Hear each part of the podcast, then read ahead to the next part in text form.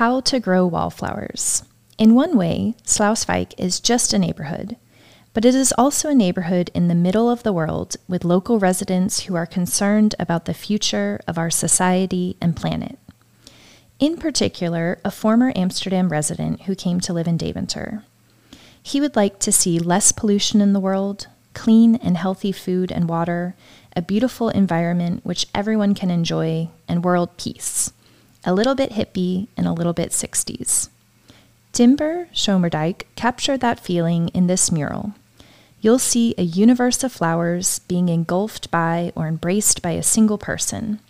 People are part of nature. We cannot lose sight of that fact. The dove of peace is watching over the scene, just like the protective dog in this dog loving neighborhood. Of course, there's also a half eaten dog biscuit in this mural. Can you find it?